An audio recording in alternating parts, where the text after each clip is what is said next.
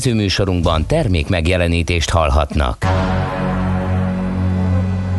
A 90.9 Jazzy bemutatja egy zűrös városban, ahol semmi sem biztos. Csak az adó? Mondom semmi. Ahol a kisbefektetőket senki sem védi meg a tőzsdei kilengésektől, és a sikátorokban leselkedik a kíméletlen hozamgyilkos. Csak négy férfi múlik a közbiztonsága. Hadnagy urak, merre vannak? A mindenre elszánt és korrumpálhatatlan alakulat vigyáz a rendre minden reggel. Hé, kik ezek az állati nyomozók? Négy férfi egyeset és egy nyalóka. Ács Gábor, Gede Balázs, Kántor Endre és Mihálovics András. Az íróasztal mögül pedig Profit kapitány diktálja a tempót. Humor, emberi sorsok, közönséges bűnözők és pénz, pénz, pénz. Egy különleges ügyosztály. A Gazdasági Muppet Show minden hétköznap reggel a 90.9 Jazzin. De is figyelj, ne csak a bárányok hallgassanak. De miért? Ha nincs pénzed azért, ha megvan, akkor pedig azért. Millás reggeli. Szólunk és védünk. Jó reggelt kívánunk mindenkinek, ez a Millás reggeli, tehát itt a 90.9 Jazzy Rádióban, mégpedig Ács Gáborral. És Kántor Endrével, ha minden igaz. Hát én, én úgy emlékszem legutóbb, amikor február végén beszálltam az autóba, akkor még így hívtak, és most március 1-én, hogy kiszálltam belőle, még remélem még mindig így hívnak engem.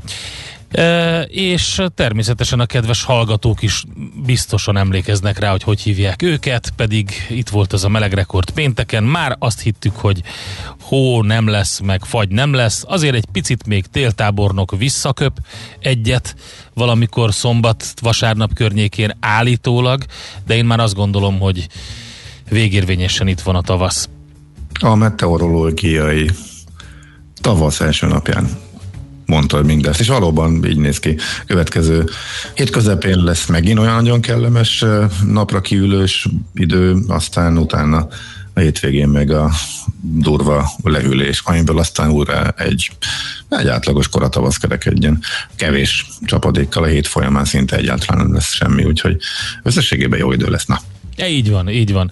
A kedves albinokat ö, próbáljuk megköszönteni, meg az albinákat természetesen mert hogy Albin nap van ma, és ez egyéb, ja és Gyopárka nap is, ez nagyon fontos, Gyopár és Gyopárka nap is van, és ezen kívül a Polgári Nemzetbiztonsági Szolgálatok napja van, és ez a Polgári Védelem világnapja is egyben. Ezt igazából nem tudom kommentelni ezt a két információt. Mihálovics András biztosan sokat tud a polgári nemzetbiztonsági szolgálatokról és a polgári védelemről, én keveset. Egyszer magára is haragította őket a valamelyik adásban, nem? Na meg a szolgálat volt, akik beírtak neki valamit, valami rémlik, mondott valami, és nem helyén valót, és kapott valamelyik szertől. A biztos veled volt adásban, mert én erre nem emlékszem. Nem, hát nagyon-nagyon régen. Egy félig-félig poénos üzenetet, amiről nem lehetett eldönteni, hogy, hogy igen, hogy mennyire kell komolyan venni. Illetve az se volt persze egyértelmű, hogy onnan jött, vagy csak vicceltek velünk és írták, de nem még nagyon-nagyon régen volt egy ilyen. Na nézzük, mi történt ezen a napon a történelemben. Tehát március 1 hétfő van, aki esetleg erre ébred fel, és 6 óra 33 perc, azt tudhatja, hogy elhussant két hónap úgy, hogy azt nem mondom, hogy alig vettük észre, mert mondjuk hír szempontból dömping volt, és érdekesség szempontból is eddig 2021-ben, meg hát az óriási várakozások természetesen még mindig a Covid és a vakcina helyzet miatt. Na, de hogy mi történt? Azt mondja, hogy 1815-ben ezen a napon volt, amikor első Napóleon francia császár visszatért első számüzetéséből Elba szigetéről, partra szállt a Huanabölben, megkezdődött a száznapos uralma, aztán hát ugye nem végződött jól számára. Mind nevetsz? Olyan, mint, mintha megakadtál volna a szigetes szószetétel akkor csak azon mutattam kicsit, igen. Melyik szigetes? Az Elba szigetes közepén. Ja, ja, rossz az, aki rosszra gondol? Ács Gábor. Uh-huh. Ilyenkor még vannak iskolák, főleg általános iskolák, ahova néha visznek gyermekeket, úgyhogy nem, gyerekeknek mondom, hogy aki felel történelemből, az óvatosan mondja ki, hogy ezen a napon történt ez az Elba szigetes dolog. Minden esetre lépjünk ezen tovább gyorsan. 1872 um, Yellowstone Nemzeti Park azóta létezik. Egész komoly uh, történelme van.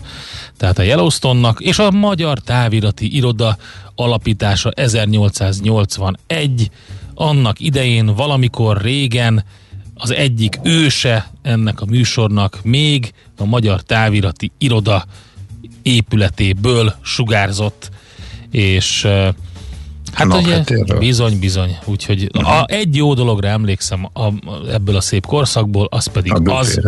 Igen, a büfére, pontosan. A büfé zseniális volt, és Fehér Zoltánnal imádtunk lemenni bundás kenyerezni egyet, ami a legjobb fogások egyike volt az ottani büfében, de sajnos, hogyha műsor után tettük ezt, akkor már lehetett harcolni, mert akkor valószínűleg csak egy vagy egy bundáskenyér sem maradt, hiszen az MTI is dolgozók elhorták.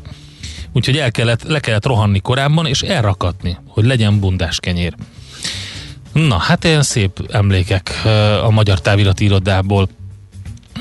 Aztán mi volt még? Hát az autóbusz közlekedés, Gábor, 1915 óta van menetrend szerinti autóbusz közlekedés Budapesten.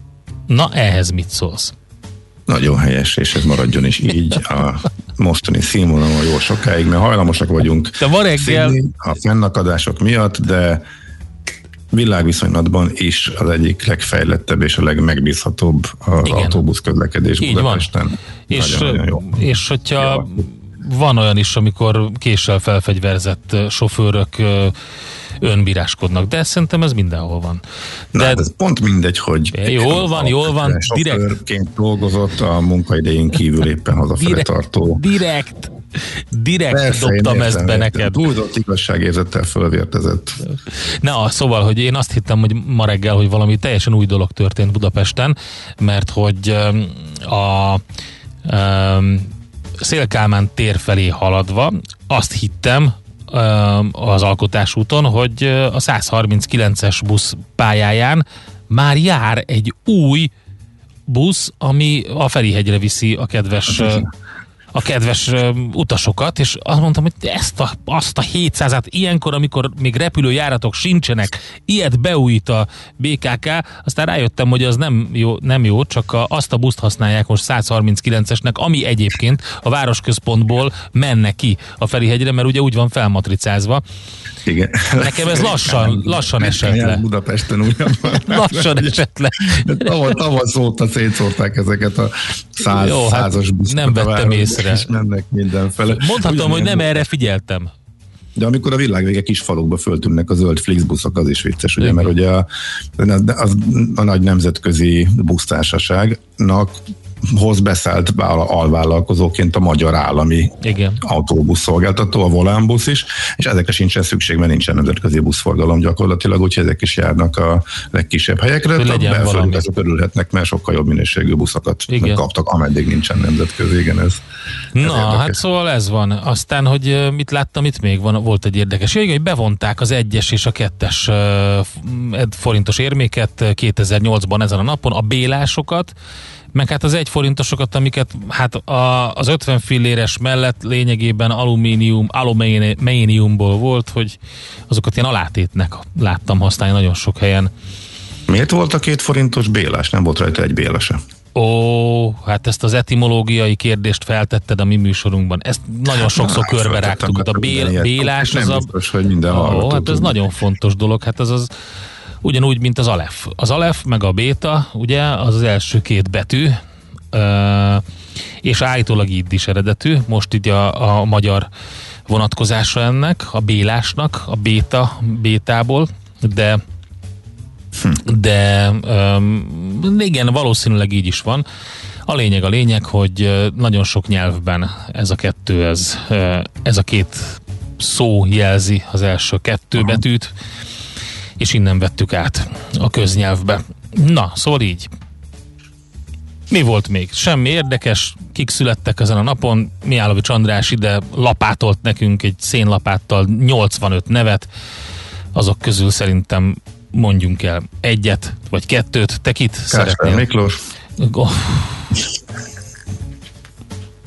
Hát én nem tudom, én megmondom őszintén, hogy nem veled képzeltem el a hétfő reggelt, mert én azt gondoltam, hogy egy fel, felhozós reggel lesz a kedves hallgatók is. Új nap, új hónap, új hét, tavasz, szép idő, minden, erre ezzel kezdesz, na mindegy. De most miért volt, hogy megemlítek egy Jó, akkor kártyázzunk, mint az autókártyáknál, jó, mint az autókártyáknál, akkor te egy Káslert tettél le, én ráhúzok egy Glenn Millert, szerintem fölé kerültem, tehát biztos vagyok benne, hogy az viszi a Jó, Káslert. akkor Justin Bieber. Uh, bizonyos szempontból igazad van, szerintem találhatunk olyat, amiben Justin Bieber jó, akkor Frederick Chopinnel ütöm Biebert. Na ezt 1810 Frederick Chopin. Na várj, hát az adóázt én még akkor még nem lőtte, de Thomas Anders. Thomas Sanders, az erős, erős Thomas Sanders, akkor viszont ezt az én ászommal, amit rejtegettem itt az ingújamba leütöm, kérlek szépen 1969-ben született Javier Bardem, spanyol színész, és vége. Azt hiszem ez volt a Fedák Sárima. Javier Bardem, nem hiszem, hogy jobbat tudsz mondani. Nem, bedobtam. Na jó, azért ott van még Szervét Tibor Jászai Mári díjas magyar színész, és Harry Belafonte amerikai színész is. Úgyhogy ők a mai híres születésnaposok. Szerintem zenéjünk egyet, és akkor nézzük meg a lapszemlét. Látom, hogy új oltási stratégiát is, meg mindent találtál, úgyhogy majd erről beszélünk a zene után. Ja igen, jönnek a kedves hallgatók 0630 20 10 909. Jó reggel Csepperről Gödöllőre jól lehet közlekedni, új hét, új remények. A héten remélem látok nyuszit, F a nagyon szerelmes futár, már örülünk neki, mert nagyon szomorú volt a múlt hónapban F. És jó reggelt, kartársak, a bejelentettek szerint új útvonalról jelentkezem a következő időszakban. Vácról Zugló Hermina mező jelenleg 29 perc, M2, M0, M3 bevezetőig suhan. Onnan csak a Szerencs utcai lámpánál tapasztalható kisebb torlódás írt a D-kartás. Köszönjük szépen! És főhajtás, hogy ilyen szépen hosszan, választékosan elmondott, hogy hogy lehet bejutni most 6 óra 42 perckor Budapestre. Get your bets down, ladies and gentlemen. Következzen egy zene a Millás reggeli saját válogatásából. Mert ebben is spekulálunk.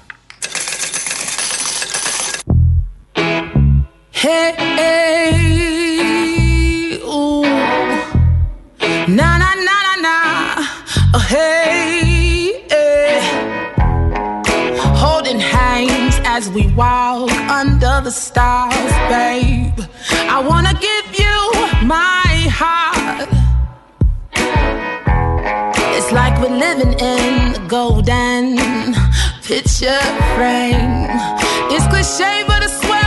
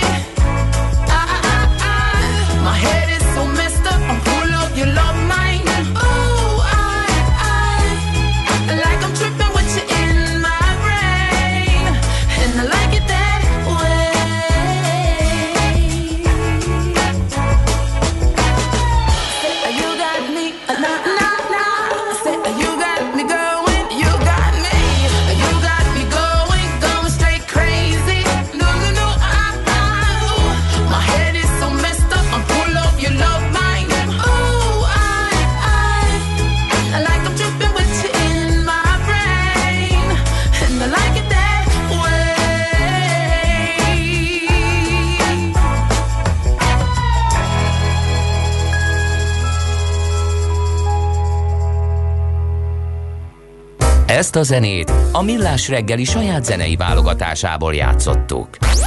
Nézz is! Ne csak hallgass! millásreggeli.hu Na nézzük, hogy mit írnak a lapok, mert elég sok minden van. A napi.hu például azzal nyit ma, hogy fordulópont jön a magyar gazdaságban, és azt próbálják meg elemezni, vagy prognosztizálni, hogy hogyan fogunk majd költekezni a nyitás után, Hát ez már önmagában egy igazi tavaszi optimizmus, hogy már arról beszélünk, hogy a nyitás után, amikor igazából csak most kezd bedurvulni az újabb hullám. Lényeg a lényeg, hogy azt a kérdést teszik fel, hogy vajon mi várható Magyarországon, ahol a kormányzat jóval szűk markubban mérte a támogatásokat, miközben a lezárások miatt százezerek veszítették el a munkájukat, vagy kerültek a korábbinál rosszabb jövedelmi pozícióba, és különböző modelleket és statisztikákat vesznek alapul, és azt mondják, hogy többet fogunk vásárolni, de vannak komoly kockázatok, és a nagyobb baj pedig a vállalatok körében lehet. Lényegében ez a cikknek a zanzája, tehát a napi.hu lehet ezt elolvasni. Én most gyorsan összefoglalnám, mi történt a hétvégén, csak így nagyon röviden mi derült ki itt, mert elég fontos döntésekre vár mindenki itt a járvány kapcsán amiket belengedtek, és már tudtunk a műsorról beszél, műsorban beszélni péntek délelőtt, mert hogy kormányzat illetékesek, maga a miniszterelnök a pénteki rádióinterjújában beszélt róla. Ezeknek egy jó része megjelent a közlönyben, tehát már egészen hivatalossá is vált péntek este, és ebben ilyenek vannak például. Az, úgy fejeztük be a műsort, hogy lemaradt a vakcina útlevéllel való foglalkozás például az utazós rovatból, és ott egészen konkrétan az derült ki az utazási szigorítások kapcsán, hogy az üzleti utasok nak is karanténba kell vonulni, rájuk is, rájuk is vonatkozik a hatósági karantén kötelezettség, mint turista célú vagy akármilyen mezei utasokra. Unión kívüli, illetve az Európai Gazdasági Térségen kívülről érkezve. Egészen pontosan olyan a módosítás, hogy az üzletemberekre is vonatkozik ez a karantén kötelezettség, tehát nem lehet a világ másik végéről üzleti papírokkal érkezze mentesülni, mert hogy, ahogy ezt a miniszterelnök is mondta, fölmerült, hogy sokan egzotikus nyaralásokat hajtanak végre üzleti útnak álszázva. És a kivételek között lesz még néhány Európai Unió, illetve EGT-n kívüli ország is, de ennek a listáját én még nem láttam, hogy megjelent volna, ezt elvileg a külügyminiszternek kell majd közé tennie, tehát az ország függő lesz, hogy honnan érkezve mentesülhetnek a karantén kötelevetség alól az üzleti célú utasok. Tehát ha jól láttam, illetve értelmezem a magyar közönyben megjelenteket, akkor ez lesz a um, szigorítás, sőt nem lesz, hanem az, mert hogy életbe lépett, tehát anélkül, hogy megjelent volna az országok listája, ez életbe lépett március 1-én, azaz ma reggeltől. Magyarul, aki ma érkezik, akkor már ez rá vonatkozik, és az unión kívüli országokból ez egyik, ami kiderült. A másik, hogy a magyar vakcina igazolásokba, vagy vakcina útlevelek, kártyák, nem tudom pontosan most éppen mi lesz a hivatalos neve. Egy igazolvány, nem? Azt hiszem vakcina igazolvány a neve vakcina igazolványnak uh-huh, hívják. Igen, azt lehet. hiszem. Uh-huh, igen. Abban nem fog belekerülni. Hogy milyen, a, milyen oltóanyag volt? Hogy milyen oltóanyaggal uh-huh. oltottak. Most mindenki arra gondol, hogy ennek az oka az, az, az a fölháborodás lehet, hogy Ja, hát hogyha a kínaival, mert, hogy kiderült, hogy európai országok Európában jóváhagyott vakcinával történt oltás esetén fogadják ezt el a belépéshez. Lengyelország, Szlovénia, Izland, Ciprus, mindenki vagy utalt erre, vagy már be is jelentette, és egyre több ország hoz ilyen döntéseket, miközben uniós szinten megy a vita arról, hogy egységesen ezt hogy lehet szabályozni, meg hogy kell egyáltalán szabályozni most, vagy még e, ráérünk vele. A fő vitát a tudomány álláspontjának a képlékenysége, hogy így fogalmazom meg, adja, mert hogy e, elegendő, elegendő bizonyíték van-e arra, hogy a beoltás beoltottak egészen biztonságosak, tehát vannak, akik azt mondják, és tudósokra hivatkozva mondják azt, hogy erről még nem tudunk eleget, és lehet, hogy százszázalékban csökkenti a halálozás kockázatát, de terjeszthetik a vírust, és ha valaki, tehát ez nem egyértelmű, hogy ezt még csak így az oltás nyomán érdemesek kiadni, hogy ez nem jelente még kockázatot, úgyhogy még emiatt is tart uniós szinten a vita, de több ország már bejelentette, hogy ők elfogadják, de csak ha európai olyok. Erre reagált így a magyar kormány, és nem tudni, mi lesz ebből, hogy akkor, hát azért az valószínűleg nem, hogy akkor most, ha nincsen benne, hogy ki oltott, akkor ezt nem fogják elfogadni külföldi, inkább az, hogy a hogy sehol nem fogják elfogadni, tehát a nyugatit sem fogják elfogadni, mert egész egyszerűen ezt a magyar igazolványt nem fogják elfogadni uniós szinten. Ezzel kiegyenlítettük, hogy nem lesz különbség a Magyarországon használt oltások között, de mondjuk akkor így meg azok lehetnek mérgesek, akik amúgy európait kaptak és utazhattak volna, így viszont azért nem utazhatnak, mert nincs róla igazolásuk, mert nem kerül be a rendszerbe, szóval még nem tudom, hogy pontosan melyik, melyik verzió, hát ugye azt nagyjából Totál káosz van. Igen, azt a cél valószínűleg az lenne, az lenne, hogy egységesen, de hogy európai országok elfogadják majd, ha nincs beleírva az, hogy milyen oltás miközben az ő szabályozásaikban az van, hogy európai jóváhagyásúnak kell lennie, az kevéssé valószínű. Szóval nem tudom, vagy sejtem a célját, de igazából nem annyira értem, hogy ez most hova fog vezetni, mert akkor lehet, hogy azok se, akik utazhattak volna, vagy akár ez egy erről lebeszélés. Nem tudom. A harmadik fontos dolog ugye az oltási tervnek a e, módosítása. Itt a e, két vakcinánál e, módosítják a igen, a, a Pfizernél és az AstraZeneca-nál, így van. A beadás menetét módosítják. Igen, a második adagot jóval később adhatják be az eddiginél. A cél az, hogy fölpörgessék, és az elsőt minél gyorsabban meghapassák minél többen, mert a kormány érdekes módon egy durva fölfutó szakaszban az oltással akarja a harmadik hullámot megállítani, eh, ami viszont azért a tudomány mai állása szerint nem működik, mert az egy sokkal lassabban ható dolog. Eh, úgyhogy, de hogyha egyel több, minél több embernek beadják, már az első is eh, segít. Hát ez, ez itt számháborúról van szó, Gábor, tehát itt mondani kell, hogy hány embert oltottunk be, és hogy akkor ha elértük az átoltottságot, meg a százalékot, tehát itt a kommunikációról van szó. Hát elkülöníthetjük a kommunikációt a valóságtól, tehát Hát el kell, hogy különítsük, persze, nyilván. Uh-huh. Csak mondom, az hogy azért szeretnék hogy minél több mindenkinek ami beadni. A, ami a legérdekesebb és a legdurvább ebbe az egészben, hogy az AstraZeneca már régóta itt van, és hiába hagyta jóvá az Európai Gyógyszerhatóság oltanak vele nagyon sok helyen, mindenki számára. A britek is oltják vele az időseket, a legtöbb európai országban is oltják az időseket, Magyarországon is jóváhagyta a hatóság mindenki számára. Az utolsó pillanatban valaki operatív törzs szinten úgy döntött, hogy nálunk nem oldhatók vele az idősek, ezért van az, hogy a legveszélyeztetettebb korosztályoknak egy csomó embernek nem jutott vakcina, miközben a fiatalabbak között a krónikusok már megkapják. Ehhez nem nyúltak annak ellenére, hogy például a hétvégén kiderült, hogy a németek elismerték, hogy ez baromság volt, simán lehetett volna az idősebbeket oltani, úgyhogy alig marad ország, aki az időseket nem oltja az asztrával, egyik Magyarország, tehát itt nagyon-nagyon-nagyon-nagyon-nagyon óvatosak voltunk. Majd jött a kínai, amiről még sokkal kevesebbet tudunk, és azokat meg simán lehet adni az időseknek. Én ez egy durva ellenmondás, amit egyszer nem értek, hogy ezt miért így kellett csinálni, és azt látom, hogy ismerősi körben, családi körben is idősek alig kaptak még, mert hogy nincs. Mert hogy a pfizer a legidősebbek eh, kapják, és nagyon lassan haladunk lefelé, eh, és eddig az idős klónikus körben nem, nem volt adható egyik sem, csak most a kínai, amiről pont a legkevesebbet tudunk.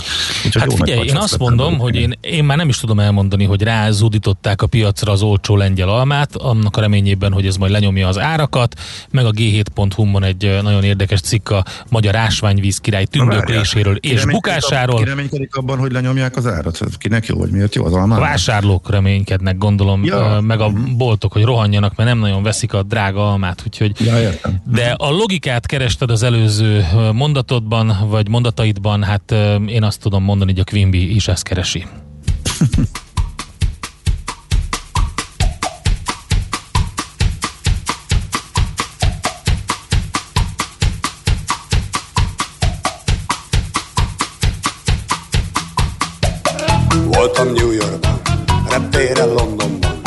Berlinben lassú volt a fény, én bolygott Amsterdam.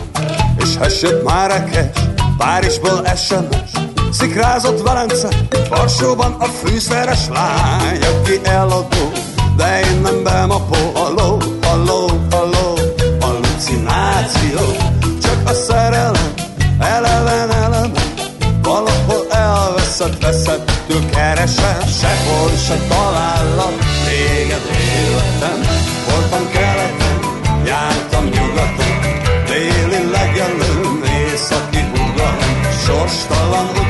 fejvesztve kutatom őt, nem tudom, hol lakom.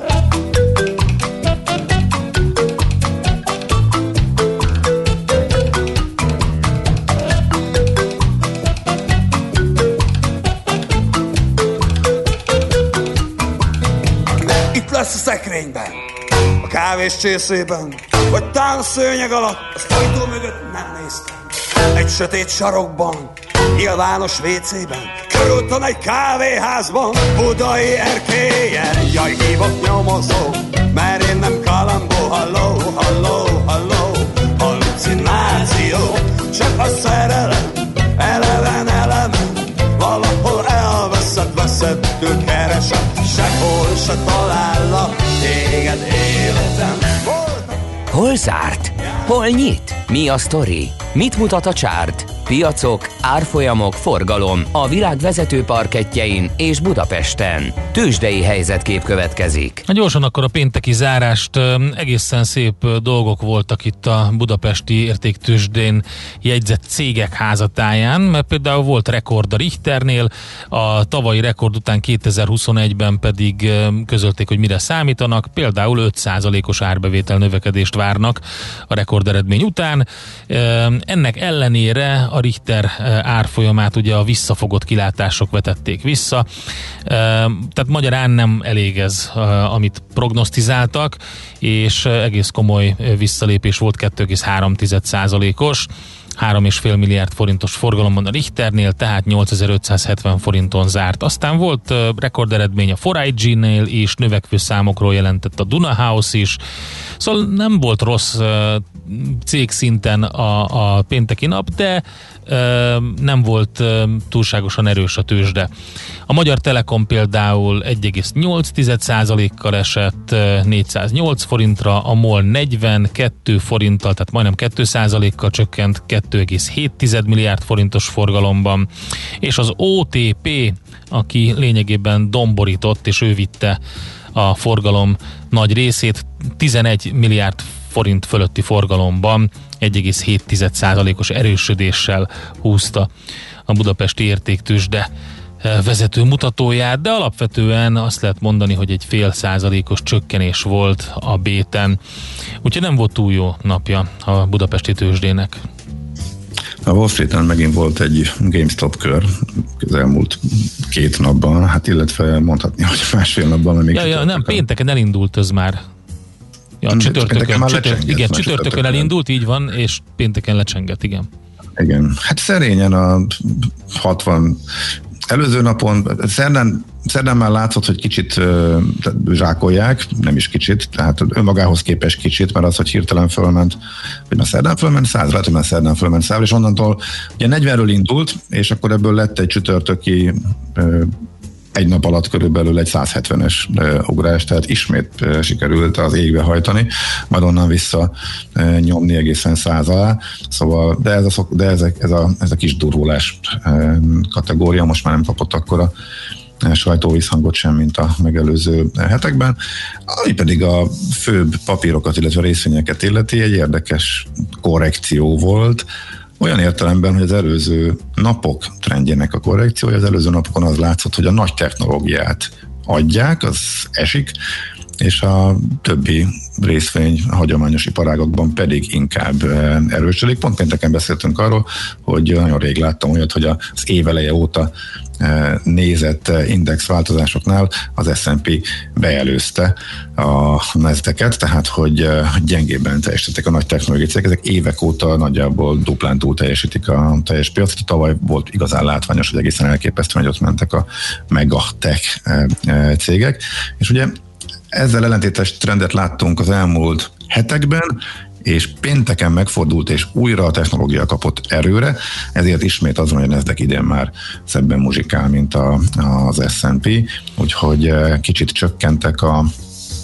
a hosszú távú eh, kamatok, eh, egy a hozamszint a, a állampapírpiacon, és erre belevásároltak az elmúlt, az előző napokban nagyon-nagyon rosszul teljesítő nagy eh, technológiai cégbe, és akkor ebből lett az, hogy eh, a napot a Dow Jones eh, másfél százalékos bukóval zárt, az S&P is esett egy fél százalékot, a Nasdaq is fél százalékot mozdult el, csak éppen az ellentétes irányba, ezúttal fölfelé, és kimondottan az információ technológia volt a legerősebb szektor.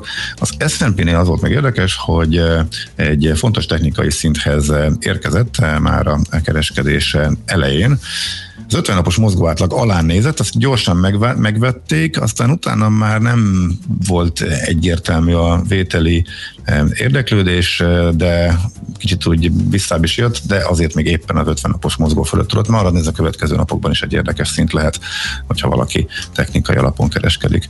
Úgyhogy ez, ez történt nagyjából a Wall Street-en pénteken. Tőzsdei helyzetkép hangzott el a Millás reggeliben. Kedves hallgatónk azt mondja, hogy érdemes lenne beszélnetek gyógyszerészekkel, akik elmondják az oltóanyagok közötti különbséget. Jó barátom, kutató gyógyszerész és elmondta, hogy a kínai és az orosz is jó vakcina, semmivel sincs nagyobb kockázat bennük, mint az úgynevezett nyugati vakcinákkal, írja Ricsi. Egyébként... Ez, bocsánat, ezt, ezt, ezt, ezt, ezt senki nem de, állít. De, de az a baj, hogy... Lehet állítani. Igen és, való, és valószínűleg, így, valószínűleg így is van, csak kevesebb rá az egészen kézzelfogható bizonyíték. Szerintem ez... Az, igen, csak nekünk tényleg van felelősségünk ebben, tényleg érdemes lenne kutatógyógyszerészekkel, gyógyszerészekkel beszélni, ilyen mini kutatást intézve eh, az ismeretségi körben. Nekem is van kutató eh, orvosbiológus ismerősöm, ő is elmondta kínai vakcináról, hogy eh, teljesen jó vakcináról van szó, illetve kórházakban dolgozó, nagyon sokszor kemény műszakba beosztott orvosok mondták azt, hogy lényegében minden vakcina jobb, mm. mint amit ott látnak bent. Minden, vak, minden vakcina sokkal jobb, mint igen. a legkisebb esély arra is, hogy elkapd a beteg. Úgyhogy igen. nagyon fontos, igen, ez jó dolog, és tényleg kéne erről beszélni. Um, nagyon nagy az ellenállás ezekkel Nagyon szemben. jó dokumentált a sajtónak a minőségi részében, nagyon-nagyon részletesen földolgoztak, tehát bárki utána nézhet nagyon-nagyon részletesen, hogy melyik uh, milyen mit tud, milyen technológiával készül, illetve a jóváhagyási fázisairól, hogy melyiket hol és kik hagyták jóvá, és mennyi adat van az összes paraméterét illetően. Oké, okay, um, mi maradt nekünk? Semmi más, mint az, hogy elmondjuk, hogy jönnek a hírek, mégpedig Schmidt Andival, és uh, nem, bocsánat, a. Czoller Andival. Czoller Andival jönnek. Ah, bocsánat, Andika, hogy lesmit tesztelek, pedig Zoller vagy. A lényeg az, hogy ő mondja el a legfrissebb híreket, információkat, utána pedig jövünk vissza. Sok minden lesz, budapesti hírcsokor után a Dunaferrel foglalkozunk. Minek nekünk acélmű tehetjük fel a kérdést, bajban van a Dunafer, a portfólió vezető elemzőjével Csiki Gergelyel beszélünk, aztán heti kitekintő rovatunk következik, makroadatok, magyar GDP, eurozónás infláció, amerikai munkaerőpiac, majd karikacsapás rovatunkban pedig egy haza hazai startup költségcsökkentő és üzemeltetési hatékonyságot növelő megoldásáról lesz szó a létesítmény gazdálkodásban.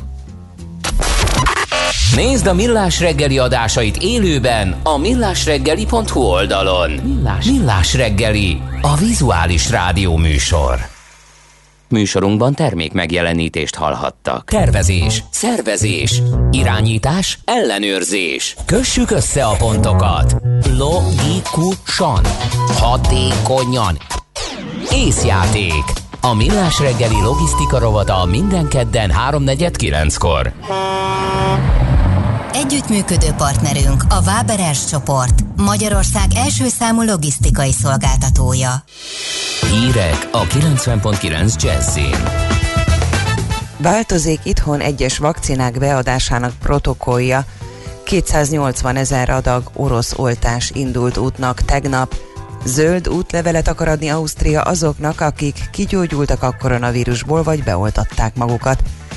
Kellemes tavaszi idő lesz, ma nyugaton lesz több napsütés, a szél olykor megélénkül, délután 7-12 fokra készülhetünk. Jó reggelt kívánok, Czoller Andrea vagyok.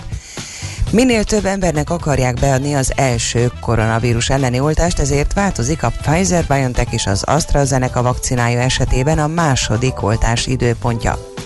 Galgóci Ágnes, a Nemzeti Népegészségügyi Központ járványügyi osztályvezetője a köztévében elmondta, mostantól annak érdekében, hogy megakadályozzák a vírus terjedését, igyekeznek minél több embernek beadni az első oltást, hiszen már az is ad egy védelmet a fertőzés ellen.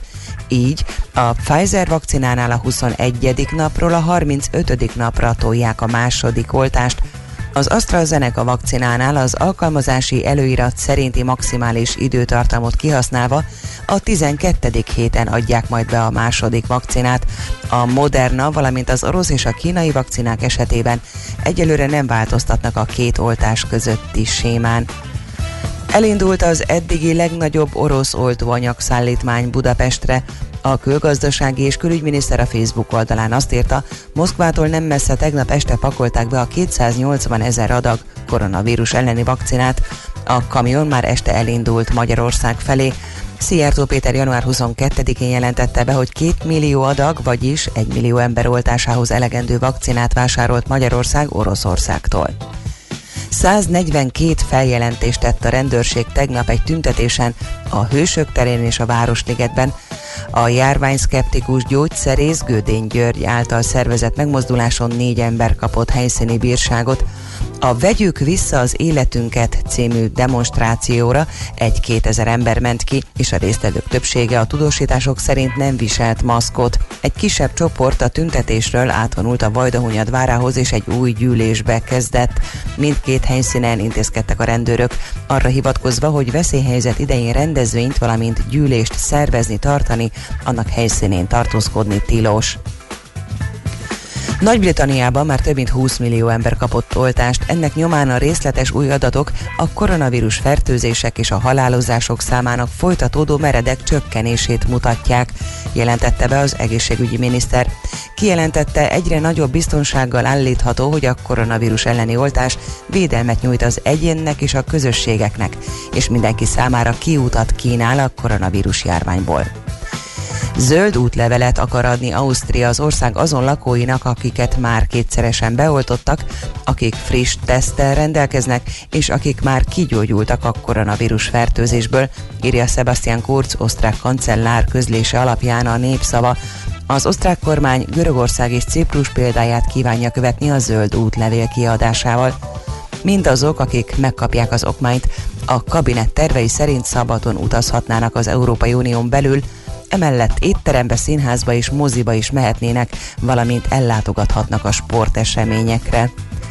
Derült a reggel, csak néhol alakulhat ki pára vagy kötfolt, Délután nyugaton naposabb időre számíthatunk, keleten néha megnövekszik a felhőzet, de csapadék nem várható. Többfelé élénk lesz az északias szél, 7-12 fokot mérhetünk. Köszönöm a figyelmüket, a hírszerkesztőt, Czoller Andrát hallották. Budapest legfrissebb közlekedési hírei a 90.9 Jazzin a City Taxi Dispécsejétől. Jó reggelt kívánok a hallgatóknak! Az országos gyorsforgalmi és főúthálózaton a folyamatos közlekedést befolyásoló balesetről nem kaptunk információt. Mindkét irányban sávlezárásra kell számítani a 11-es főút városi szakaszán, a Szent János köznél, illetve a Szent Endrei úton befelé elektromos közjavítás miatt. Zuglóban a Magyaródi úton, a Cinkotai útnál úgy gyalogó átkelő helyet létesítenek, emiatt útszükületre számítsanak. Köszönöm a figyelmüket, további jó utat kívánok! A hírek után már is folytatódik a millás reggeli, itt a 90.9 jazz Következő műsorunkban termék megjelenítést hallhatnak. I know it's hard to get over Your stories mounting for years Along with your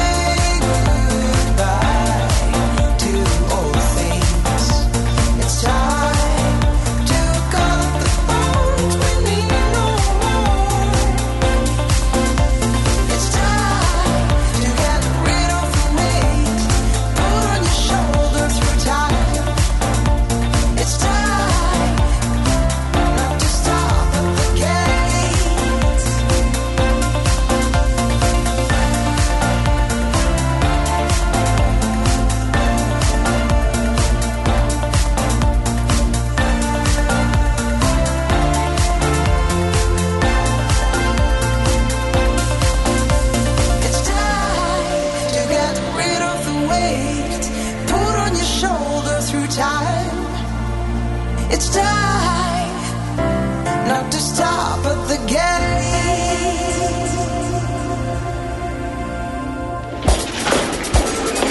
A reggeli rohanásban könnyű szemtől szembe kerülni egy túl szépnek tűnő ajánlattal. Az eredmény krétával körberajzolt tetemes összeg. A tethelyen a gazdasági helyszínelők, a ravasz, az agy és két füles csésze és fejvállalakzat. A lehetetlen küldetés megfejteni a Fibonacci kódot. A jutalom egy bögre rossz kávé és egy olyan hozamgörbe, amilyet még Alonso Mózli sem látott. Millás reggeli, a 90.9 Jazzy Rádió gazdasági mapetsója. Vigyázat! Van rá engedélyünk! Ez a műsor tovább. támogatója a GFK Hungária Kft. A cégek technológia alapú adatszolgáltató partnere. Ez továbbra is a Millás reggeli, itt a 90.9 Jazzy Rádióban, mégpedig Ács Gáborral. És Kántor Endrével. És a kedves hallgatókkal 0630 20 10 909-en, és hát többen írnak azzal kapcsolatban, hogy hogy az igazolvány Mire jó? Annyira jó, hogy már minden, ami a kikapcsolódás körébe tartozik, utazás, étterem, színház, stb. csak oltási igazolványjal engedélyezett, de dolgozni szabad, sőt kell is nélküle. Ez a vírus ennyire okos, hogy a munkaidőben alszik a sarokban? Teszi fel a kérdést kedves hallgatónk, illetve a kínai vakcinával kapcsolatban ugye az fogalmazódik meg a kedves hallgatóknál, amit így mi is mondtunk, hogy eh, az a legnagyobb baj a kínai vakcinával, hogy eh, nagyon rossz a kommunikációja. Egész pontosan úgy fogalmaz a hallgató, hogy agresszíven erőltetik központilag és ez az egyik. A másik a, a vélemény pedig az, hogy lehet, hogy jó a kínai, meg akármilyen vakcina, de erre vannak az engedélyezési eljárások, jogszabályok, amíg az EU megbízható illetékes hatóságai nem engedélyeznek egy gyógyszert, addig az számomra nem létezik, akármennyire is bizonygatja a biztonságosságot bármelyik politikus. Úgyhogy ugye... Ez, egy teljesen rendben levő vélemény, mint ahogy az is, hogy nem kell megvárni a az EU-s bürokratikus jóváhagyási folyamatot, ha azt látjuk, hogy szerte a világon széles körben alkalmazzák, egy nagyon régi technológiával, amit ráadásul már e, lényegében száz éve e, ismerünk, és látjuk, hogy e, milyen pusztítást okoz a vírus. Most már egyre fiatalak körében, amiről éppen Szlávik János is beszélt a hétvégén, utolsó tíz beérkező az ő kórházukba például mm-hmm. a Latti volt, és egy komplet családokon megy végig pár nap alatt unokától nagypapáig pillanatok alatt, és nagyon durva tüneteket okozva akkor ha valaki azt mondja, hogy sokkal jobb ennél is a bármi, tehát eh, amit tudunk a kínairól eh, az alapján is sokkal jobb, akkor ez ugyanolyan valid érv, mint, mint azt mondani, hogy én csak azt adatom be, amit az európai. Tehát ez, ez, és, és mindenki eldönteti, hogy melyiket fogadja Igen. Igazából.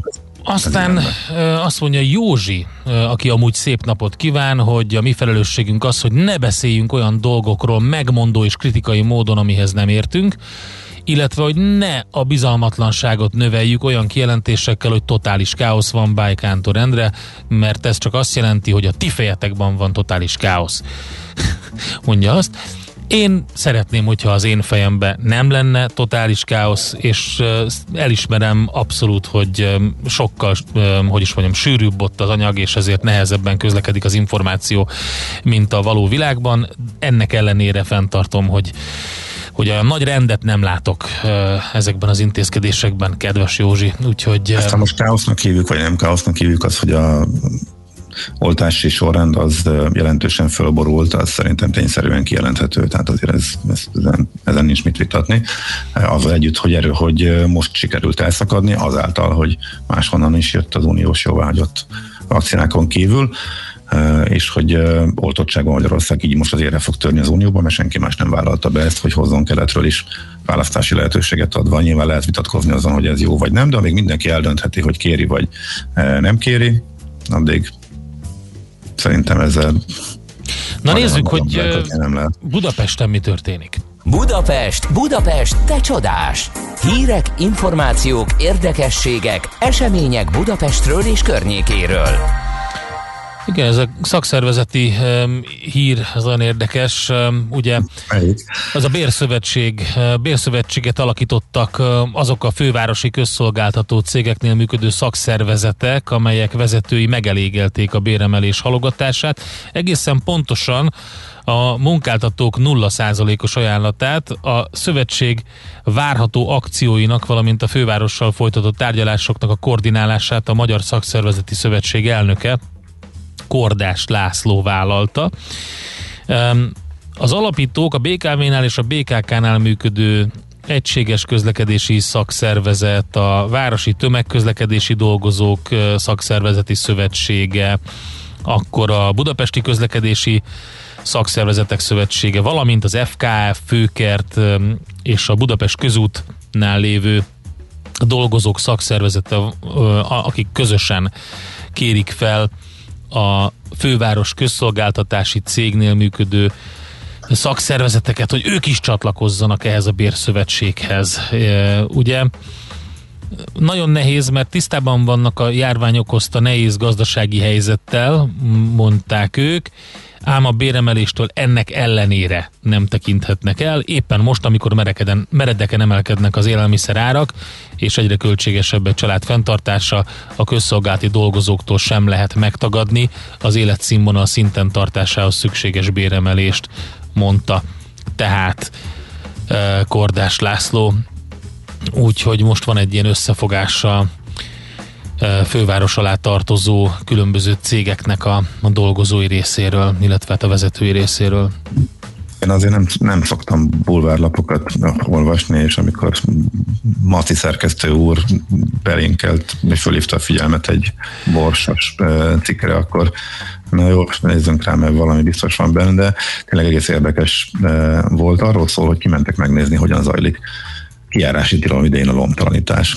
Budapest belvárosa ott, ott azt nagyon szeretik, mert hogy elég értékes cuccokat szoktak kirakni, csak hogy nagy részt este pakolták ki a cuccokat, és így a hajsza az értékekért, az kicsit máshogy zajlott, mert hogy komoly rendőri jelenlét mellett kellett kibányászniuk a lomizóknak a legértékesebb cuccokat.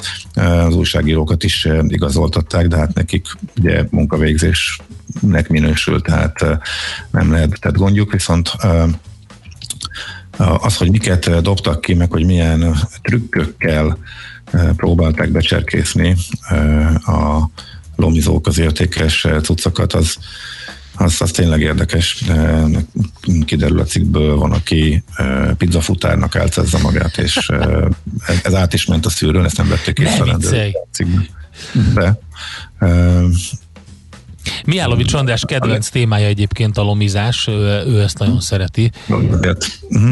A legelterjedtebb módszer, hogy az autókban bújnak meg, és ha látják, hogy nincsen az autó odébb megy, és akkor a kupacok környékén megáll, és ha tiszta leveg, akkor gyorsan berámolják a cuccokat, tehát magát a... De a stipi-stopi nem megy. A tehát szelektálást, azt, azt a nem klasszik, a, a klasszik hanem, foglalás hanem az nem megy, amikor ott ül egy széken valaki, és azt mondja, hogy ez a mi szemétdombunk, és nem nyúlhatsz hozzá. Igen, és ütlegelésig fajulhat esetleg, hogyha ki akarsz onnan húzni egy régi koaxkábelt. De a lényeg a lényeg, hogy hogy tényleg ez, ez nagyon érdekes szituációt szült most Budapesten. Igen, az, egész, egész jelenség egyébként nagyon szomorú, ahogy e, zajlik, e, az is ugye több rétű e, probléma, úgyhogy én inkább még valami apró érdekességet emelek, egy föltűnt az újságíróknak, hogy de csomagolásban, tehát még kibontatlan műfenyőből milyen sokat dobnak ki, tehát csomóan megveszik, és egyáltalán nem használják, majd pedig dobják ki a műfenyőt. Aztán lehet, hogy csak visszarakták rá. Hát ez sokkal könnyebb feldíszíteni, ez... hogyha ben van a nejlomban, mert nem ragadnak mm. bele a girlandok a tüskék közé, úgyhogy... Na jó, de hogy az emberek nem tudják, hogy ez többször használatos. De tudják, tudják, csak nem tetszett, vagy nem borzasztó, ami pazarlás meg szemetelés megy. Aha. Na, egy gyors SMS-sel szeretném befejezni ezt a rovatot. Jó reggelt! Barkács és lakberendezési áruházak levegőjéből kellene oltóanyagot készíteni, abban valószínűleg csak antitestek vannak, írja Szabolcs. Teljesen egyetértek. Úgyhogy igen, köszönjük szépen!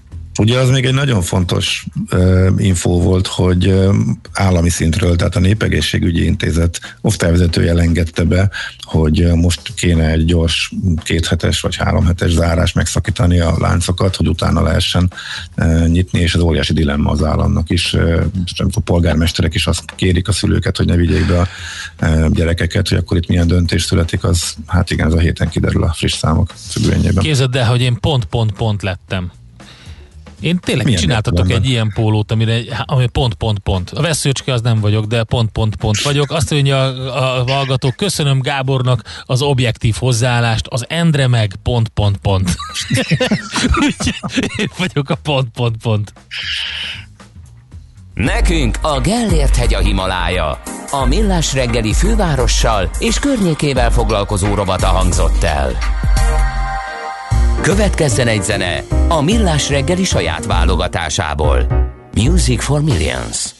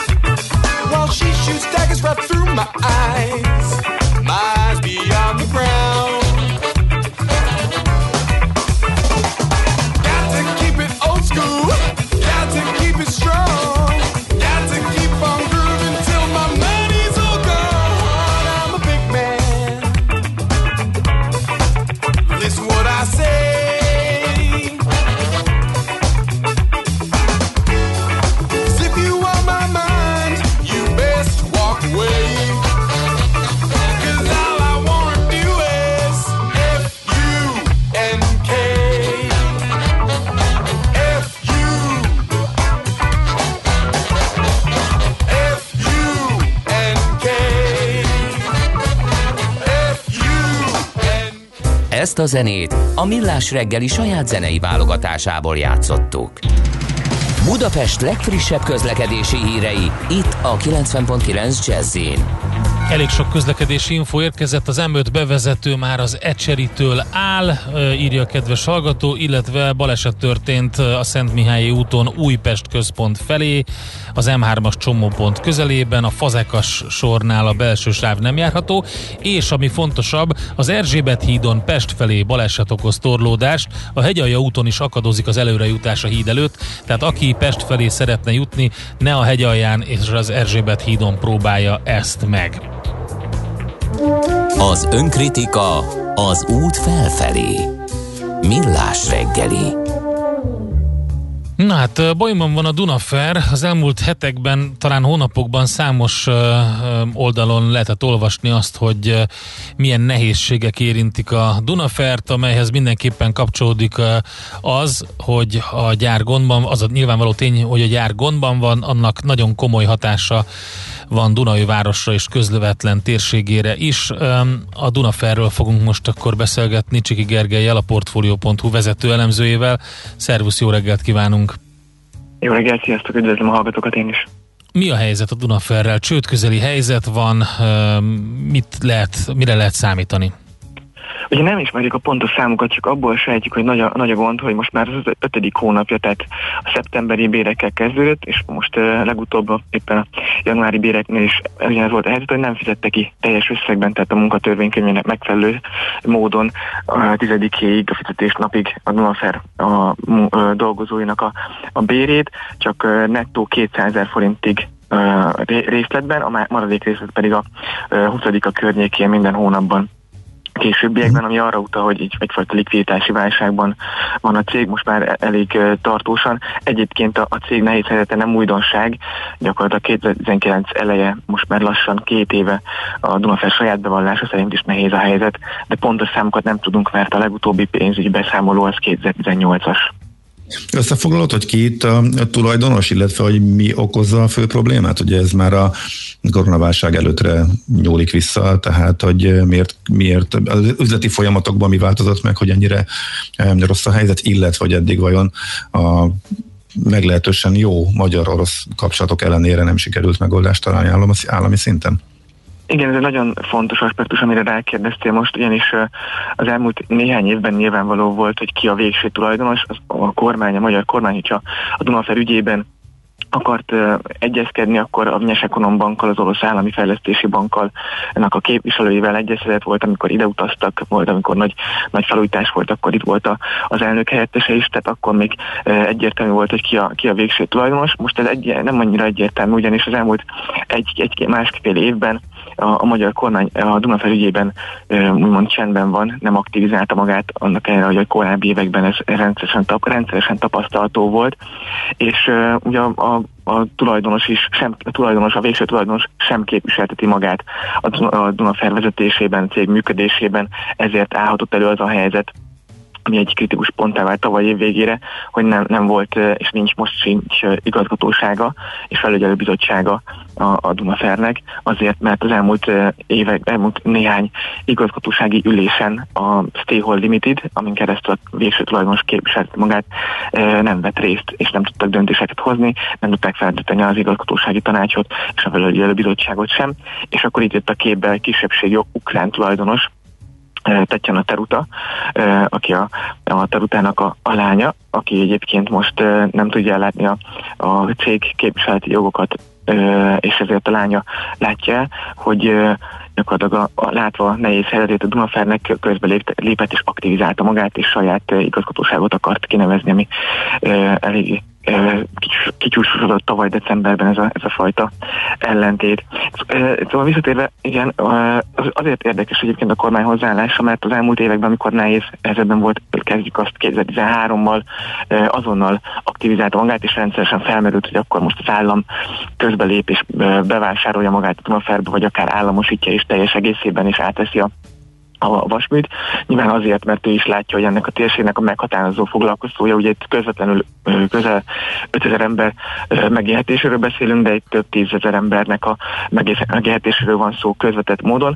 Azonban az elmúlt időszakban látványosan távol maradt a kormány, most már inkább azt mondja, hogy offshore tulajdonban van a cég, és nem tudni a, a valódi hátterek, a hátterét, a tulajdonosi hátterét, lehet, hogy egyébként a kormány sincs tisztában ezzel, vagy a kormány is elbizonytalanodott, vagy csak tudatosan távol marad. Az egyébként megfigyelt, hogy tavaly 2019. Ö, októbere, 2020 elejétől ö, van ez az álláspontja a kormánynak, ugye azóta egy dolog változott így közvetlenül, vagy nyilvánvalóan a, a térségben, hogy nincsen most már Fideszes kormánypárti vezetés. Nagyon ö, érdekes, amit mondasz, hogy a Magyarország egyik legnagyobb cégéről van szó, ugye, és ö, ahogy mondtad, itt valószínűleg az ország is megérezné azt, hogyha bedőlne a cég. Így van, a, a, a napokban, vagy néhány héttel ezelőtt a KRTK a közgazdászinak a munkatársai írtak erről egy kiváló anyagot, és abban bemutatták, hogy gyakorlatilag összefonódott, ugye ezért is jött létre a város napentelén e, húzták fel a, a, a gyárat 1960-ban, ne, ne menjünk most annyira vissza, de be, azt mutatták be, hogy gyakorlatilag a, a térségnek a 40, 40 Dunajváros munkavállalóinak 40-45%-át érinteni közvetlenül és közvetetten, és a térségnek is mintegy 25%-át bajba sodorhatja, hogyha végső soron a Dunafer nehéz helyzetbe és működésképtelen állapotba potba kerül. Nyilván ezen a mostani menedzsment akinek egyébként a, a legnagyobb szakszervezet, a vasas szakszervezet a képviseleti jogát megkérdőjelezi, de most én management törekszik arra nyilván a likviditás válságot kezelje, de úgy tudjuk, hogy a termelés nagyon alacsony szinten van, főleg amiatt, hogy nem tudnak teljesíteni a beszállítók felé pénzügyi gondok vannak, nem tudnak fizetni volt azért fizetési meghagyás egy beszállítótól, és pont egy olyan környezetben nem tud a Dunafer látványosan pörögni, kb. 40-50%-os termelési szinten volt még néhány héttel ezelőtt a, a kapacitása, amikor egyébként óriási acélipari konjunktúra van, tehát a, az alternatív költség és a kieső nyereség is jelentős.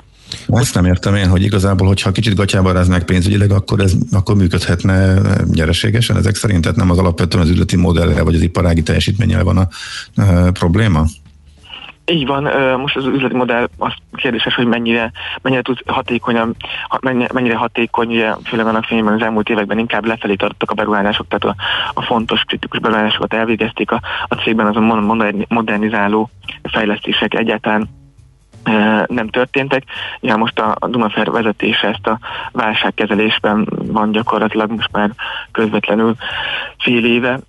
Kérdés, hogy a, a tulajdonos mikor lép a színre, ha egyáltalán színre lép, mit, mit ugye a háttérben vannak olyan hírek, a, a Evgeny Tankjevics általános vezetőigazgató helyettes, aki most operatív szinten irányítja a, a céget, azonban ugye már nem vezérigazgató tavaly ősz óta, ő tett utalást hónapokkal ezelőtt már, és azóta is folyamatosan, hogy hamarosan jön egy stratégiai befektető, vagy tulajdonosi, vagy más együttműködési szinten. Most legutóbb arról voltak hírek, hogy a, a Liberty Steel Európában látványosan terjeszkedő nemzetközi cég érdeklődik Dunaszer eszközei iránt, és erről például Szijjártó Péter tett közé egy Facebook bejegyzést, hogy tárgyaltak ennek az elnökével, de azon, azonban nem, nem nevest, nevestették, hogy éppen most a Dunaszerről van, lenne szó, és más kérdés, hogy ez a megmentő ugye az elmúlt években látványosan terjeszkedett Európában, de alapvetően újra struktúrálta a cégeit, amikor megjelent, ez a megmentés mennyire lenne valójában megmentés, és mit tartana meg a jelenlegi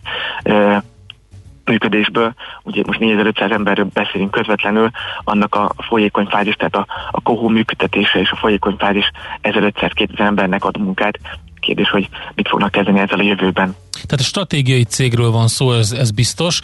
Gábor kérdése mögött talán az rejlik még, hogy mennyire van jövője ennek a típusú nehéziparnak. Tehát lehet, hogy itt nem csak az üzleti tervet és az eredményességet kell nézni, hanem azt is, hogy alapvetően ez, ez mennyire rentábilis dolog itt Közép-Európában. Így van, mert ugye amikor kezdődött a Dunafernek a legutóbbi kori válságot 2012-13-ra megy, megyünk vissza, amikor kormány is megjelent azonnal egyfajta felvásárlási ajánlata, azóta húzódik ez a helyzet, és már azóta mondom, hogy azért gondoljunk bele, hogy mennyire lehet versenyképessége, versenyképessége, versenyképesen előállítani vasat és acélt Magyarországon, ez mi kell, olcsó energia, szakkép, szaktudás és olcsó input ár, amit egyébként Ukrajnából hozott eddig az uh-huh. Dunaszer, és az most elakadóban van. Tehát kérdés, hogy ennek a, ez, a, ez, a, ez a fajta válság már hosszú ideje lát, el, elodáztatlanak látszik. Kérdés, hogy a, a, a kormány erre mennyire készült fel, hogy ugye kiváltsa az esetlegesen folyamatosan leépítő, amit egyébként az elmúlt 15 évben gyakorlatilag lefeleződött a, a Dunafernek az állománya, és hogy ennek a további esetleges elbocsátási hullámnak hogyan tud támasztani a térség többi foglalkoztatója, ugye, és az elmúlt években erre, ebben az irányban nem láttunk erről lépést, most talán lesz egy két-három év múlva, amikor az SK Innovation ugye Iváncsára felhúz egy óriási ö, üzemet, Kérdés, hogy ez mennyire tudja felszínni a, a, az esetlegesen elbocsátandó Dunaferes kollégákat, akik egyébként azért értékes szakudással rendelkeznek, mert az egyetlen, az ország egyetlen acélműve működik még Dunajvárosban. Hát az biztos, hogy egy nagyon érdekes történet. Nyilván egy kicsit beárnyékolja most minden más, amivel akut kell foglalkozni az országban, de mivel ekkora volumenű cégről van szó, és ilyen fontos lehet az ország számára, vagy ilyen fontos az ország számára, ezért biztos, hogy foglalkozni kell vele. És mi is fogunk. Köszönjük szépen neked, majd folytatjuk innen a történetet. Rendben, köszönöm. Sziasztok. Szia, szia. Csiki Gergővel beszélgettünk a Portfolio.hu vezető elemzőjével a Dunafer történetéről, egyáltalán a kilátásairól a társaságnak. Hát sok mindent nem tudni um, arról, hogy mi fog történni vele, de az biztos, hogy um, az egész országot és talán még a régiót is meghatározza az, hogyha uh, a társaság ennél komolyabb bajba kerül. Most folytatjuk hírblokkal, Czoller Andion elmondja a legfrissebb információkat, utána pedig jövünk vissza magyar GDP, eurozónás infláció, amerikai munkaerőpiac, majd létesítmény gazdálkodás következik, költségcsökkentés és üzemeltetési hatékonyság, nagyon érdekes történet. Négy autó koccant az Erzsébet hídon, tehát ott biztos, hogy nagyon nehéz lesz a közlekedés, a bejutás, már a hegye is torlódás tapasztalható. Tudtad? A Millás reggelit nem csak hallgatni, nézni is lehet. Millásreggeli.hu Benne vagyunk a tévében. Műsorunkban termék megjelenítést hallhattak. A kultúra, befektetés önmagunkba. A hozam előrevívő gondolatok. Könyv, film, színház, kiállítás, műtár, zene. Kultmogul. A millás reggeli műfajokon és zsánereken átívelő kulturális hozamgeneráló rovata minden kedden 9 óra 30 után. Ha a bankszámlád mellett a lelked és szürke állományod is építeni szeretnéd. Fektes be magadba, kulturálódj! A rovat támogatója a Budapesti Metropolitán Egyetem, az Alkotó Egyetem.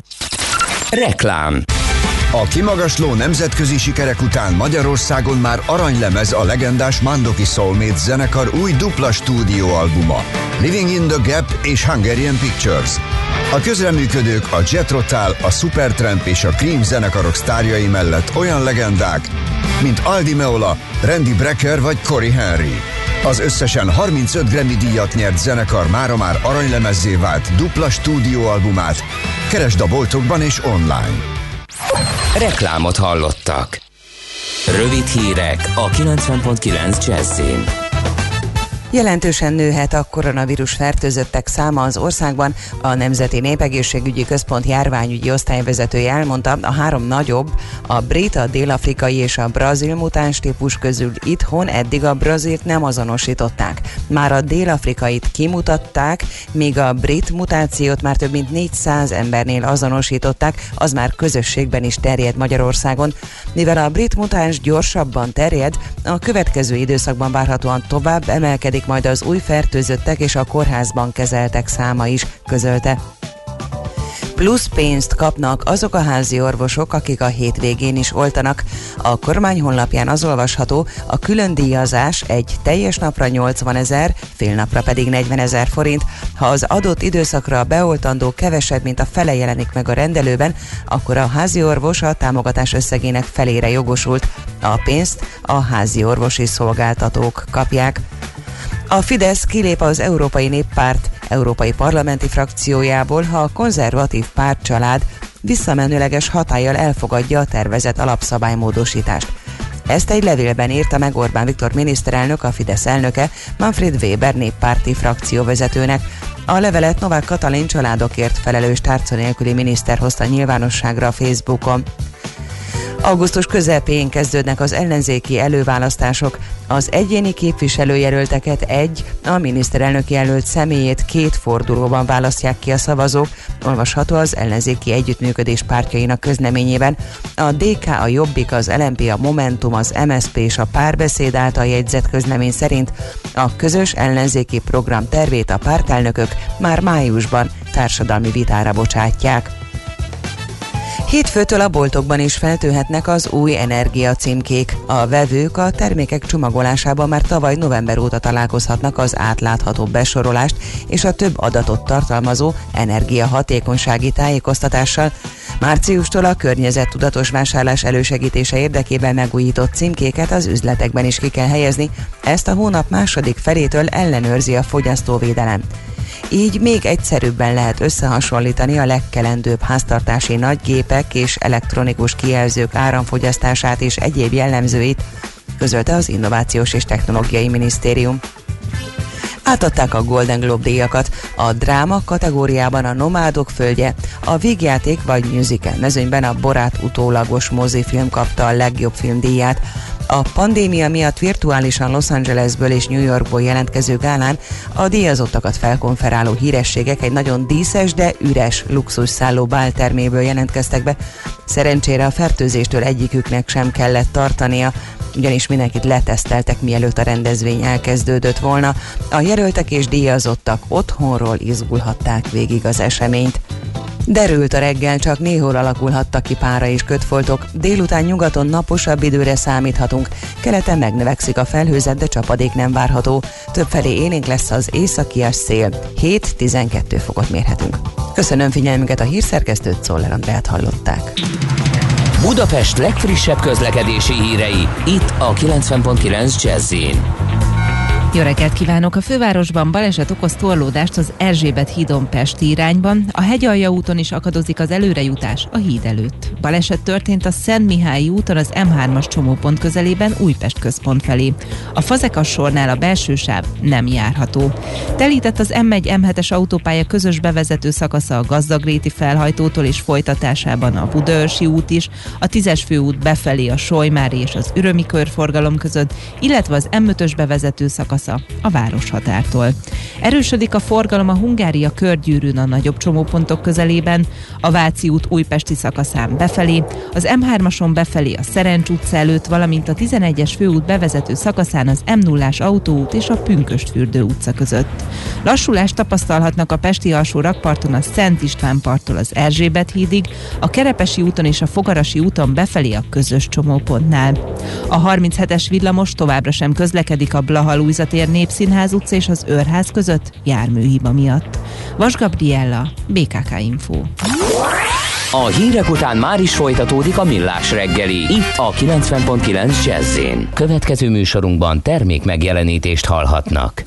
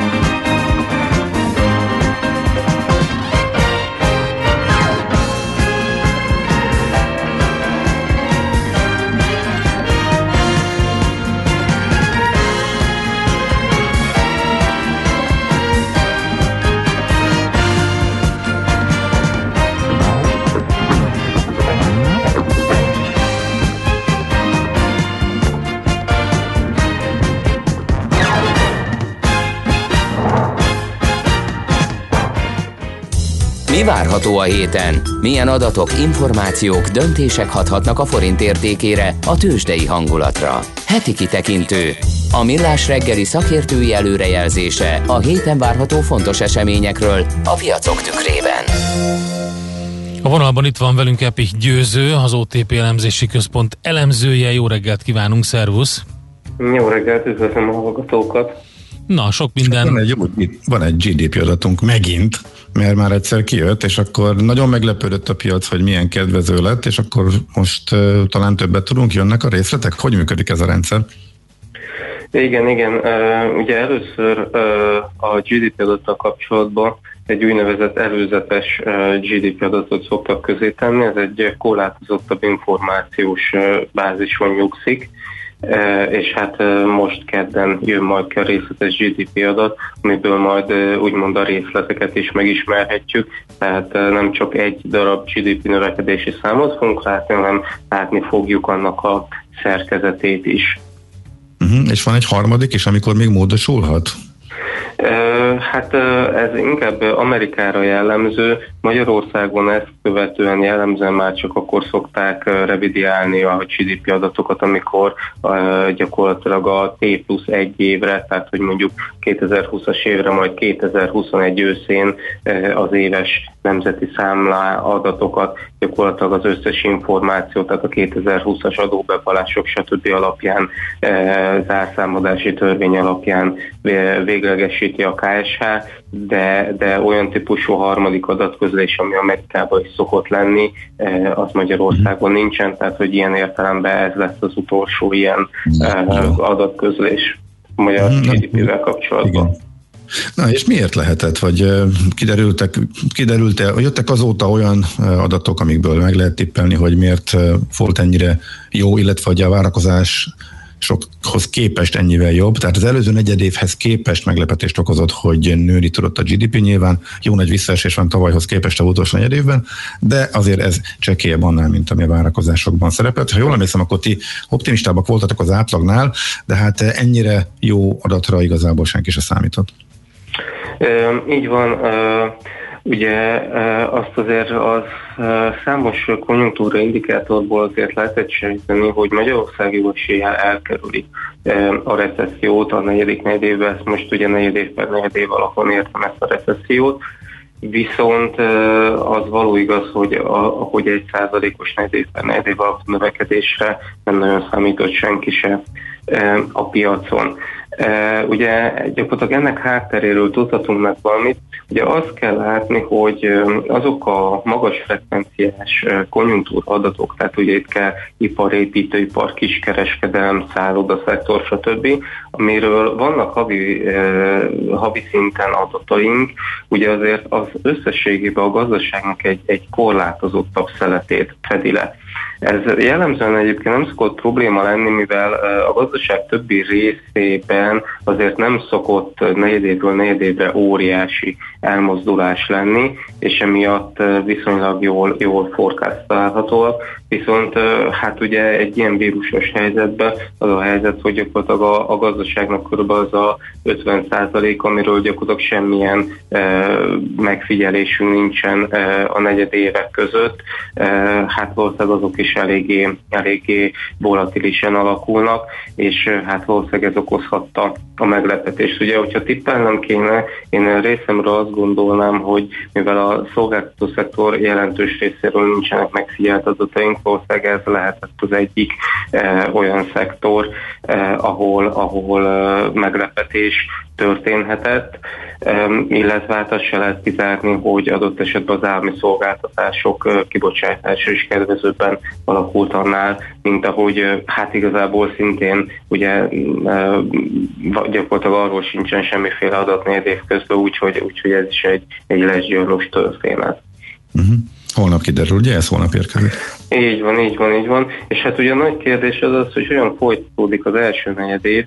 Ugye azt azért Magyarország esetében látni kell, hogy a lezárások ugye azért inkább csak a negyed év végét érintették, viszont az első negyed évnek viszont az egészét érintik, úgyhogy hát részben emiatt is azért arra lehet számítani, hogy az első negyed év azért megint nem lesz nagyon erős, és hát ugye ezt a helyzetet meg súlyosbítja ugye a globális chip hiány is, ami egyébként decemberben már látszódott az elektronikai cikkek eh, gyártásában, a feldolgozóiparban, viszont ugye az autógyártást uh, még csak januárban érte el, úgyhogy, és hát gyakorlatilag ez a két ágazat, ami a feldolgozóipar le, két legnagyobb ágazata, úgyhogy, úgyhogy lehet, hogy ez a globális chip hiány azért okozhat majd problémát, tehát hogy tetézheti a bajokat az első negyed évben. Uh-huh. Oké, okay, nézzük hát. meg az eurozónát most, és az inflációt. Magyarországon is ugye az egyik legfontosabb az élelmiszer drágulás.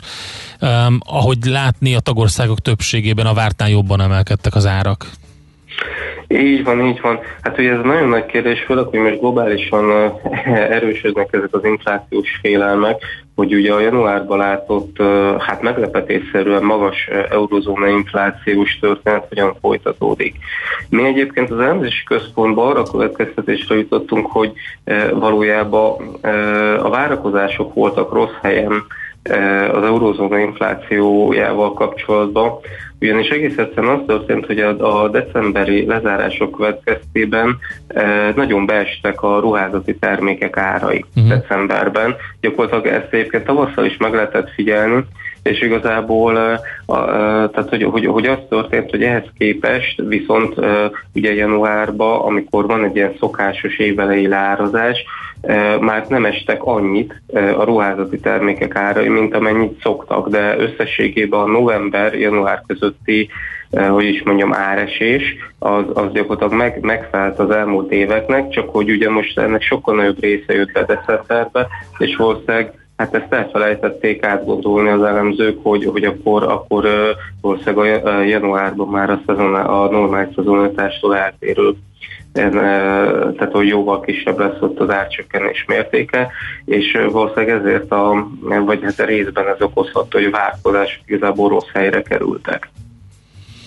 Mire számítottok de, akkor? De nyilván, nyilván, nyilván egyébként ezért lesz fontos ez az adat, uh-huh. hogy kvázi ezt a teóriát megerősítse vagy cáfolja, mert hogyha tovább gyorsulna jelentősen az infláció, vagy a várakozásokat meghaladná, akkor, akkor azért lehet, hogy más áll a, a történet mögött, viszont hogyha, hogyha nagy részét ez a, ez a dolog magyarázza, amit az előbb említettem, akkor, akkor valószínűleg már nem, nem lesz meglepetés az adatokban. Oké, okay, pont ezt akartam kérdezni, meg is felszóltad, köszönöm szépen, és még van egy érdekes adat, az Egyesült Államokban a munkaerőpiaci adat jön ki, mi történik? Hát eléggé kedvezőtlen folyamatok voltak legutóbb. Igen, igen. Ugye decemberben elég, elég kedvezőtlenül alakultak a, a munkaerőpiaci adatok, úgyhogy Hát kérdés az az, hogy januárban mennyire találhatott magára a munkaerőpiac, és hát olyan szempontból, és ugye ezt kiemeltem, kiemelt adat lesz megint, hogy ugye a 2009-es válságot követően is volt egy nagyon hosszú időszak, amikor gyakorlatilag a, a piacok az infláció alakulása helyett sokkal inkább úgy az amerikai munkaerőpiacot követték, mert azt gondolták, hogy sokkal inkább az mozgatja ugye a Fed döntéshozatalát, és gyakorlatilag Jerome Powell legutóbbi megnyilatkozásai megint e, e, ebbe az irányba terelik gyakorlatilag a befektetőket.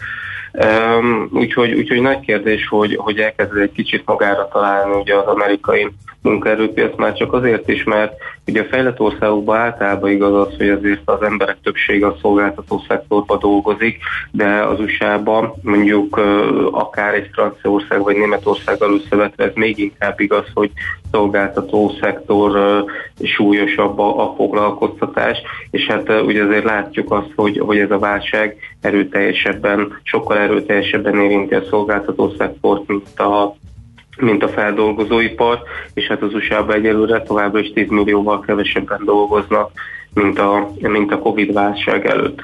Úgyhogy hát gyakorlatilag egy ilyen szituációba jött az a hír, hogy ugye elfogadták Amerikába ez 1900 milliárdos élénkítő csomagot, úgyhogy ez azért, hát a januári adatokban ugye nyilván ez már nem fog jelentkezni, de előre tekintve, hogy ez segítheti eh, majd a, a, a, a foglalkoztatás felfutását. Oké, okay, hát elég izgalmas adatok jönnek, figyeljük ezeket a héten. Neked nagyon szépen köszönjük az információkat, és jó munkát nektek, szép napot! Én is köszönöm, sziasztok! Az elmúlt percekben Hepik Győzővel beszélgettünk, az OTP elemzési központ elemzőjével. GDP adat jön hazai, eurozónás infláció, amerikai munkaerőpiaci adat. Heti kitekintő rovatunk hangzott el. Mire érdemes odafigyelni a héten? Mi elmondjuk. És egy pár fontos információ a kedves hallgatóktól. Azt mondja, hogy eh, a legfontosabbat gyorsan akartam elmondani.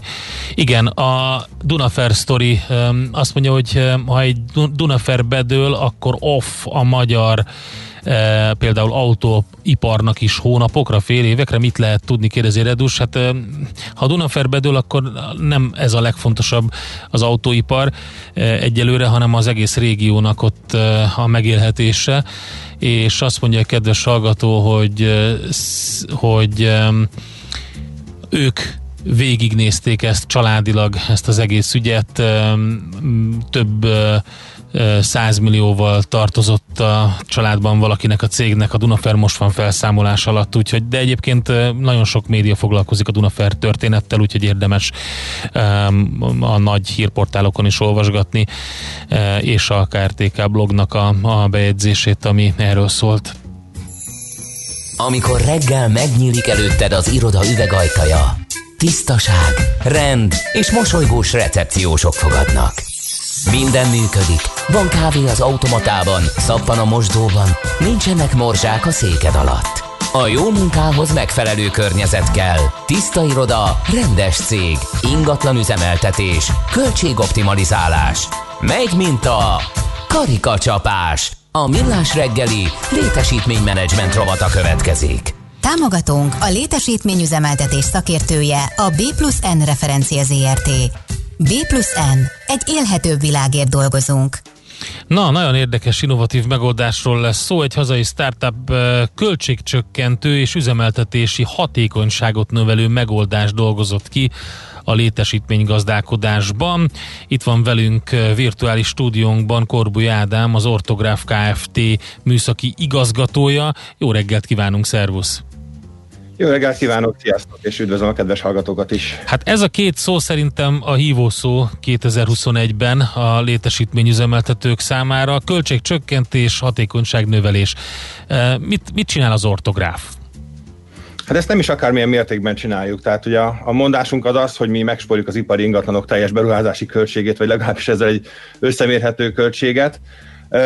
Úgy, úgy nagy vonalakban, hogyha már úgyis létesítmény gazdálkodási rovatban és témában vagyunk, egy kicsit azért azt elmondanám, hogy ha ránézünk egy ingatlanra, akkor ugye annak a, a van egy beruházási költség, amit mi a 100%-nak veszünk, akkor a tervezésre nagyon klassz megoldások vannak, már mindenféle CAD szoftverek, ami kb. ennek a költségnek 10%-a. Viszont az üzemeltetés, amely kb. 10-szer annyi lesz az alatt a 30-50 év alatt, amíg az ingatlant használják, na az az a terület, amire most mi lövünk egy olyan megoldással, amivel állandóan naprakész adatokat, valós adatokat tudunk biztosítani az üzemeltető cégek számára.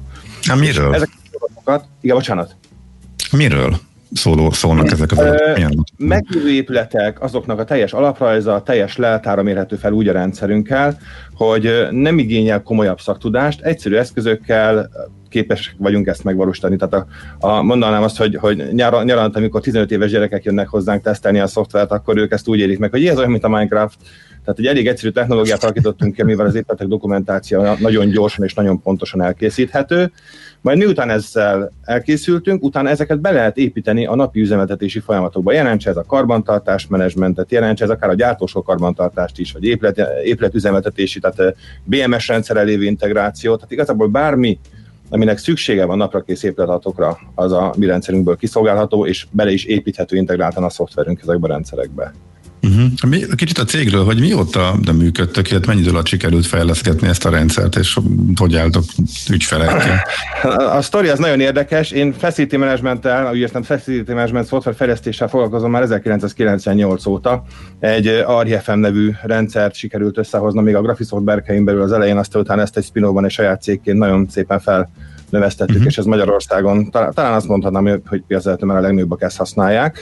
És ott láttuk azt, hogy, hogy a rendszer bevezetésnek a legnagyobb problémája, a legnagyobb rák, rákfenéje az, hogy nincs információ az épületekről. Tehát, hogy körülbelül van valami. Volt olyan ügyfél, ahol körbméterre tudták nagyjából a fűtési számlákból, hogy mennyi épületük lehet, de, de ilyen szinten működött az üzemeltetés. És akkor 2004-ben kitaláltuk egy nagyon jó barátommal, hogy akkor csináljunk egy céget, amelyben mi kifejezetten arra adunk egy megoldást, hogy ezt a, a, az ingatlan, ipar ingatlan állományt, ezt könnyű legyen alaprajzilag felmérni.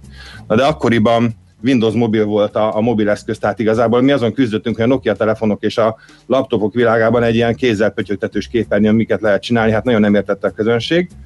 Akkor 2011-ben mi átálltunk arra, hogy akkor csináljunk egy iszonyatosan jó felmérő szoftvert ebből a technológiánkból, és, és, és árasztuk el az építészeket, meg a, a lakberendezőket egy nagyon klasszén consumer megoldással, és és ezzel szépen haladtunk is, tényleg nagyon izgalmas stratégiai együttműködések alakultak ki hardwaregyártókkal is, meg lett egy 200 ennél nagyobb nemzetközi felhasználó körünk, de azt láttuk, hogy az igazi probléma az továbbra is a létesítménygazdálkodásban van.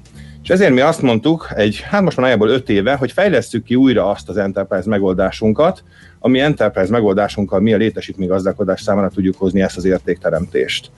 És hát ez, ez egy komoly munka volt, tehát ezt 2019. szeptemberében adtuk ki, ez azt jelenti, hogy teljesen át kellett a céget alakítanunk. Tehát egy consumer termékből, amit árusítottunk a App Store meg Google Play-en keresztül, hirtelen megint nagyvállalati megoldást kellett szállítsunk, ahol bevezetés van, ahol ügyféligények vannak, ahol szabásigények vannak, szolgáltatás egy teljesen más megközelítés, és ezért gyakorlatilag újra startuppá váltunk, azt kell mondjam.